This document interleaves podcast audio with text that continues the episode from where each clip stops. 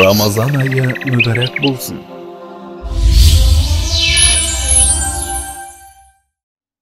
بسم الله الرحمن الرحيم الحمد لله رب العالمين والصلاة والسلام على رسولنا محمد وعلى آله وصحبه أجمعين السلام عليكم құрметті көрермендер ардақты тыңдармандар алла тағала қылған құлшылықтарыңызды жасаған дұға тілектеріңізді қабыл етсін біз бүгін құдай қаласа тараух намазында қариларымыздан зұмар сүресін ғафир сүресін және фуссилат сүресін тыңдайтын боламыз.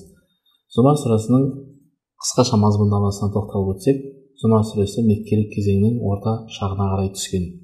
Кейбір ғалымдар зұмар сүресінің жиырма үшінші және елу үш елу тоғызыншы аяттар аралығындағы аяттардың мәдинада түскендігін айтқанымен негізгі көзқарас сүре толықтай меккелік сүре болып табылады. Сүре өзінің атауын сүреде айтылған жетпіс бірінші және жетпіс үшінші аяттарда өткен зұмар сөзінен алынған яғни ақыреттегі кәпірлер мен мүминдер қалыптастыратын жамағаттар деген мағынаны білдіреді сүренің жиырмасыншы аятында өткен ғураф сөзі бар жәннаттағы сарайлар деген мағынаны білдіреді сол сөзге байланысты кейбір ғалымдарымыз бұны ғураф сүресі деп те атаған екен зүмар сүресі құранның уахидың бір өнімі уахидың бір нәтижесі екендігі келтірумен басталады кейін алла тағалаға серік қосу шірік сенімінің дұрыс емес екендігін тоқталып өтеді. Содан соң бір жағынан ескерту бір жағынан сүйіншілеу тәсілін қолдану арқылы ақырет әлеміне тоқталады.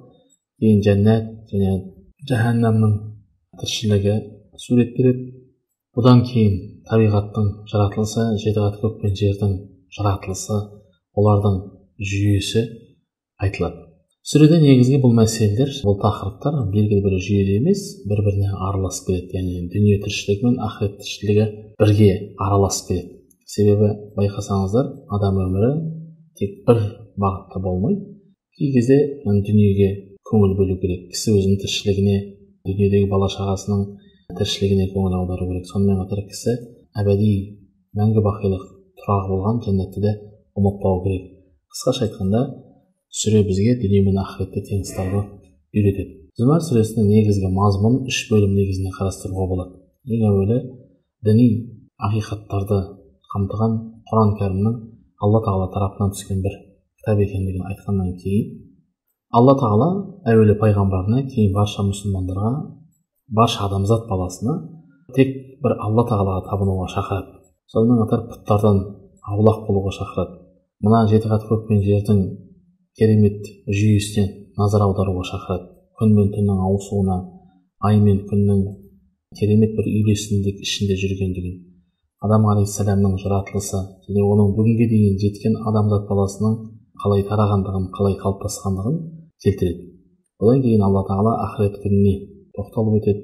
Дін иман мәселесін ерекше тоқталып өтеді. Әсіресе мүшриктердің басына қиын іс түскен шақта жаратушы раббарына жалбарынып ал басына қиыншылық кеткеннен қайтадан пұтқа табынуға бастайтындығын баян етеді бұл істің дұрыс емес екендігін алла тағала сынайды кейін пайғамбар саллаллаху алейхи уассаламға тек бір алла тағалаға құлшылық етуге шақырады. әуелі пайғамбарымызды кейін барша адамзат баласын алла тағала осылай шақырады. бұдан кейін алла тағала қайтадан сол пұтқа табынғандардың өздерін де өздерінің бала шағасын да ақыретте құрдымға жетелейтіндігін баян етеді. керісінше адам өзінің нәпсісімен күресіп алла тағалаға бет алып істің ең жақсысын сөздің ең жақсысына еруге шақырады.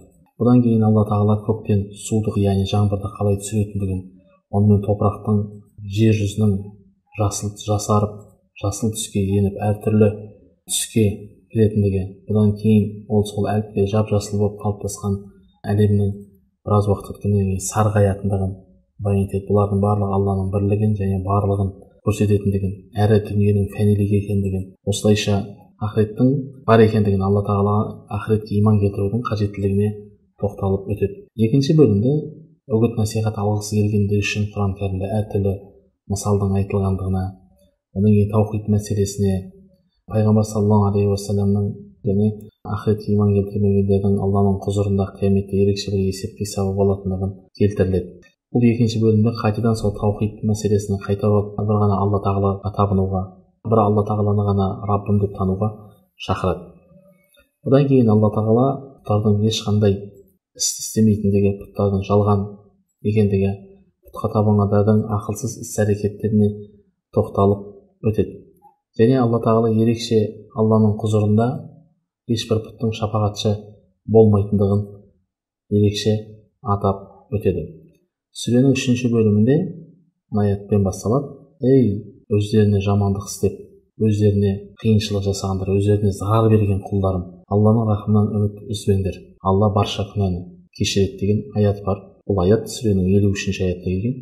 Кейбір ғалымдарымыз бұл аяттағы мақсат етілгендер ә, жахилия кезеңінде өмір сүрген мүшриктерге қатысты деп айтса кейбіреулері пайғамбар саллаллаху алейхи уассаламның көкесі хамзаны өлтірген. Ол кезде мүшрик болған кейін мұсылман болған. Сахаба уахши ибн харбқа қатысты деп айтқан ғалымдарымыз бар. Бағзы ғұламалар негізінде бұл аят хижрет жасай алмай қалған мұсылмандарға қатысты түскен деп айтқандар да бар ал кейбір ғалымдарымыз жоқ бұл аят негізінде үлкен күнә істегендерге қатысты деп пікір білдірген. Жалпы негізінде аяттың мазмұнына қарайтын болсаңыз негізінде жалпы үлкен күнә істеп шынайы тәубе еткендерге қатысты түскен аят деген көзқарасты ғалымдарымыз білдірген. Демек ажал келместен бұрын алла тағалаға иман келтірмегендердің ақыретте көретін азабына тоқталып өтеді. Олардың түрлі түрлі болатындығын айтады. Сонымен қатар алла тағаланың барша нәрсенің жаратушысы және ұстап тұрушысы жеті көк пен жердің иесі патшасы екендігі айтылады. Әсіресе сүреде соңғы аяттардың қатты қозғалған мәселелердің біреуі шіріктен аулақ болудың шіріктің кез келген түрінен мұсылман кісінің аулақ болуға шақырады. Сүренің соңғы аяттары қияметтің болуы есеп қисаптың жүзеге асуы жаһаннамдықтар мен жәннаттықтардың топ топ болып өз орындарына барып жайғасатындығы айтылады екен. Кейбір риуаяттарда пайғамбар саллаллаху алейхи уассаламның айша анамыздың риуаяты бар. Пайғамбарымыз саллаллаху алейхи уассалам исра сүресімен бірге зұма сүресін оқыған деген де бір риуаятымыз бар екен. Осылайша зұма сүресі қысқаша тоқталып өттік. Одан кейінгі оқылатын сүре ғафир сүресі. Ғафир сүресі меккелік кезеңде түскен 85 аяттан тұрады. Кейбір деректерде бұл сүре мұмин деп те аталады. Мұмин сүре перғауын әулетінен шыққан бір мұмин кісіден сөз қозғағандықтан осы атауға ие болған екен. Сүре негізі ха мим деп мұқатта әріптерінен басталады екен. Мұмин сүресінің негізгі мәселесі ислам дінін қабылдап ислам дінімен жүрудің маңызды екендігі айтылады. Сүренің ішінде адамдарға берілген мүмкіндіктер нығметтер ақыреттегі жақсылар мен жағымсыз бейнедегі адамдардың жағымсыз іс әрекет күнәһар болғандардың күпірлік келтіргендердің жағдайы айтылады сонымен қатар адамзат тарихындағы иман мен күпірліктің арасындағы текетірестерге тоқталып өтеді. Сүренің алғашқы аяттарына алла тағаланың құдірет иесі екендігі ғылым иесі екендігі оларды кешіретін тәубелерді қабыл ететін жаман күнәһарлардың сазайын беретін жақсы ізгі істеп тақуалық қылғандарға ерекше мейірім танытатын алла екендігі айтылады. Бірінші бөлімде негізі сүрені екі бөліммен қарастыруға болады. Алғашқы бөлімде нұх алейхисаламның қауымы және оның артынан келген әртүрлі күпірлікке түскендердің дүние және ақыретте көретін азаптары баян етіледі. Бұдан кейін мұса мен ферғауынның арасындағы текетіреске тоқталып өтіледі.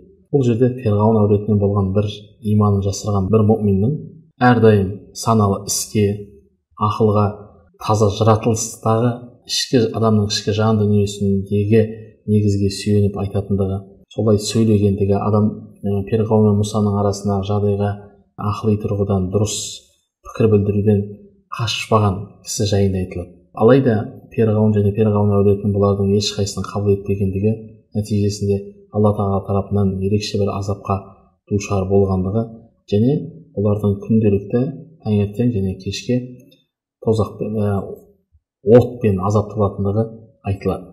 Одан кейін алла тағала тозақтықтардың қатарынан болып басқалардың ықпалында қалып кеткендермен олардың арасындағы тартыстарға тоқталып өтеді. Мәселен екінші бөлімде ол алла тағаланың пайғамбарлардың соңынан еріп иман келтіргендерге дүниеде жеңіс табыс нәсіп ететіндігін баян етеді.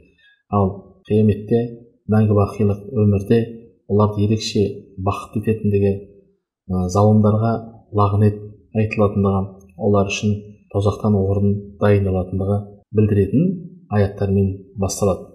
Кейін артынша адам баласына берілген нығметтер жайында баян етіледі. Бұдан кейін бұрынғы өткен пайғамбарлардың өз қауымдарын қалай дінге шақырғандығын ол қауымдарының пайғамбарларды қалай мазақ еткендіктерін бұл қауымдардың ерекше алла тағаланың нығметтерін көре тұра қарсылық жасап күпірлік етіп қандай іс әрекет жасаса да алла тағаланың азабынан құтыла алмағандығын баян етеді. Негізінде мүмин сүресінде адамдар дінге шақырылған кезде бір екі үлкен мәселе бар. Бұлардың біреуі алла тағаланың аят түсірген аяттарына қарсы шыққандардың көпшілігінің бай құдірет иесі абыройлы тәкаппар залым кісілер екендігі айтылады. Ал екіншісі екінші тоқталған мәселе пайғамбар саллаллаху алейхи уассаламға және оның соңынан ерген мүминдерге қандай жағдай болмасын сабыр көрсетудің сабырлық танытудың үлкен маңызды іс екендігі алладан күнәларына кешірім тілеулері дұға етулері алла тағалаға тәсілім болып толықтай мойын ұсынуларының қажеттілігі айтылады. Түбінде алла тағаланың оларға тауфиқ жеңіс нәсіп ететіндігін білдіреді. Негізінде бұл бір жағынан қарасаңыз бір жағында исламның ақиқатына діннің ақиқатына қарсы шыққандар мен оның соңынан еретіндіктердің болатындығы бұл бұрыннан бұрынғы өткен қауымдардан бері жалғасып келе жатқан іс екендігін байқалады екен. Сүренің артықшылығына қатысты абу хурайрадан риуаят етілген мынандай бір хадисіміз бар. Пайғамбар саллаллаху алейхи уассалам былай деген екен. Аятіл курси мен мүмин сүресінің ғафир сүресінің алғашқы үш таңертең оқыған кісіге ақшамға дейін ал ақшамда оқыған кісіге таң атқанға дейін алла тағала тарапынан қорған болады деп айтылған риуаяты бар екен. Біз осылайша қысқаша ғафир немесе мүмин сүресінің мазмұнына тоқталып өттік. Одан кейін оқылатын сүре фуссилат сүресі. Фусилат сүресі құран кәрімнің қырық бірінші сүресі. Мекке дәуірінің соңғы шақтарына қарай түскен. Ғалымдарымыздың айтуы бойынша миғраж оқиғасынан кейін біз жаңа ғана тоқталып өткен ғафир сүресінен кейін түскен екен. Сүренің алғашқы аяттарына қатысты абдулла ибн масудтан келген мынандай бір риуаят бар. Қағбаның жанында тұрған бір үш кісінің біреуі былай деп сөйлесіп тұр екен. Біреу айтады дейді сіз не дейсіз? Алла тағала бүкіл сөйлегеніңізді естіте ма деп сұрайды. Екіншісі алла тағала біздің ашық айтатын сөзімізді естиді бірақ жай дауыспен айтатынымызды естімейтін шығар деп айтады. Үшіншісі жоқ ондай нәрсе бола ма? егер біздің ашық сөйлегенімізді естісе біздің жасырын сөйлегенімізді біледі дейді. Абдулла масуд бұл көрген уақиғасын пайғамбар саллаллаху алейхи уассаламға келіп жеткізеді. Сол сәтте алла тағала мынандай бір аят түсіреді. Бұл осы фусилат сүресінің жиырма екінші жиырма үшінші аяттары. Сіз құлақтарыңыздың көздеріңіздің терілеріңіздің сізге қарсы куәлік келтіретіндігінен сақталмайтын едіңіздер сіз көптеген жасаған істеріңізді алла тағала білмейді деп есептейтін едіңіздер. Бұл раббың рабтарың раббыларың жайында бұлай деп теріс ойлағандарың сендердің түптеріңе жетті. Сендер осылайша зарарға зиянға ұшырағандар болдыңдар деген аяттар түсті. Имам суети рахимахулла олай болса тозақтың ішіне лақтырылған ба? Жоқ әлде қиямет күні ешқандай қауіп қатерден аман келген кісі артық па деген қырқыншы аятқа қатысты. Мынандай риуаят келтірген бұл аяттар абу жахил мен аммар ибн ясір екеуіне түскен деп. Яғни тозақ отына лақтырылатын абу жахил ал қиямет күнінде алланың азабынан аман есен қауіпсіз келетін сахаба амар ибн ясир болған деген осы екі адамға қатысы аяттар түскен деп келтірген. Сүренің саны елу төрт аят. Сүре негізінде өз атауын үшінші аятта өткен фуссилат яғни аяттары егжейлі тегжейлі түсіндірілді деген фуссилат сөзінен алынған сүренің негізгі мақсаты құран кәрімнің алла тағала тарапынан түскен бір уахи екендігін білдіру пайғамбарымыз мұхаммед мұстафа саллаллаху алейхи уассаламды қабыл етпеген оның дағуатына қарсы шыққандардың жүректерінің құлақтарының бітелгендігін алла тағала баян етеді тіпті мүшіріктердің пайғамбар саллаллаху алейхи уассаламның дағуатына қарсы шығып сен қалаған істі біз де өз білгенімізді істейміз деп пайғамбар саллаллаху алейхи уассаламды шарт қойып қорқытқан сымақ болғандықтары келтіреді. Одан кейін алғашқы аяттарда сүренің негізі мақсаты анық айтылады. Құран кәрімнің ол құран кәрімнің ойдан шығарылған емес аса рақымды ерекше мейірімді алла тағала тарапынан түскендігін баян етеді. Құран кәрімнің сүйіншілеуші әрбір ескертуші кітап екендігі айтылады. Алла тағалаға серік қосудың қиын іс екендігі баян етіледі. Бұдан кейінгі аяттарда әлемдердің раббысы болған алла тағаланың құдіреті мен ұлылығына дәлелдер келтіріп дәлелдер келтіріледі. Оған қарсы шығудың оған күпірлік келтірудің оған ортақ қосудың серік қосудың ақылға сыйымсыз іс екендігі айтылады. Жеті қат көк пен жердің жүйесін келтірген ерекше жүйемен ұстап тұрған тек бір алла тағала екендігі айтылады. Осындай үлкен құдірет иесі сансыз нығметтерді нәсіп еткен алла тағалаға қарсы шығудың оны мойындамаудың дұрыс іс емес екендігі айтылады екен.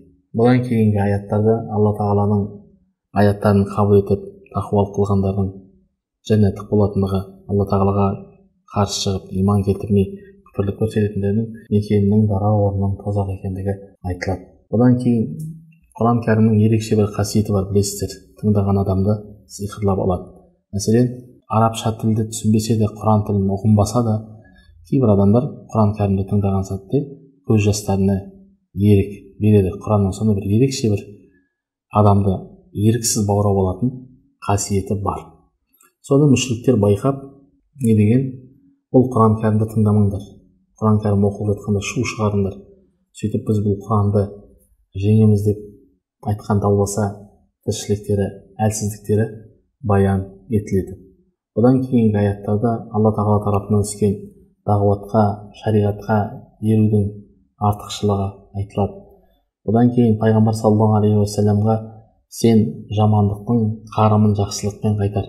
Сол кезде сені мен оның арасында дұшпандық болған кісі сенің жан досыңдай болады деген бір ерекше пайғамбар саллаллаху алейхи уассаламға қарата айтылған насихат бар. Бұл аятты біз де сіз де бізбенен сіз амал етуіміз керек. Біз көбінесе жамандыққа жақсылықпен қарым қайтаруымыз керек. Кейбіреулер надандықпен қандай да бір сауатсыздықпен бізге қарсы қандай да бір жаман іс әрекеттер жағымсыз қылықтарға бой алдырып жатса біз де дәп сондай жағымсыз қылықтармен жауап беруіміз дұрыс болмайды. Бұдан кейін алла тағала құран кәрімді арабша түсіндіргендігін аяттарының араб тілінде түсінікті екендігін айтады. Негізінде бұдан кейін сүренің соңғы бөлімінде әрбір кісінің жасаған жақсылығын тек өзі үшін ал жасаған жамандығын тек өзіне зарар тиетіндігін алла тағала баян етеді. Алла тағаланың залым емес екендігі әрбір адам жасаған іс әрекетінің нәтижесінде бағаланатындығын баян етеді. Бұдан кейін алла тағала алла тағалаға қарсы шығып иман келтірмей күпірлік қылғандардың қасиеттеріне тоқталып өтеді. Олар мәселен күнәһар сабырсыз нығметтің қадірін білмейтін қайырымсыз тәкаппар болып келетіндіктері айтылады. Бұдан кейін алла тағала мүшіріктер қанша қарсылық көрсетсе де немесе алла тағалаға иман келтірмей күпірлік көрсеткендер құран кәрімнің жайылуына құран кәрімнің тыңдалуына құран кәрімнің адамзат баласының тура жолын көрсетуіне ешқандай кедергі бола алмайтындықтарын алла тағала баян етеді. Осылайша фуссилат сүресі тәмамдалады алла тағала жасаған құлшылықтарыңызды тілеген дұға тілектеріңізді қабыл етсін еліміз аман жұртымыз тыныш болсын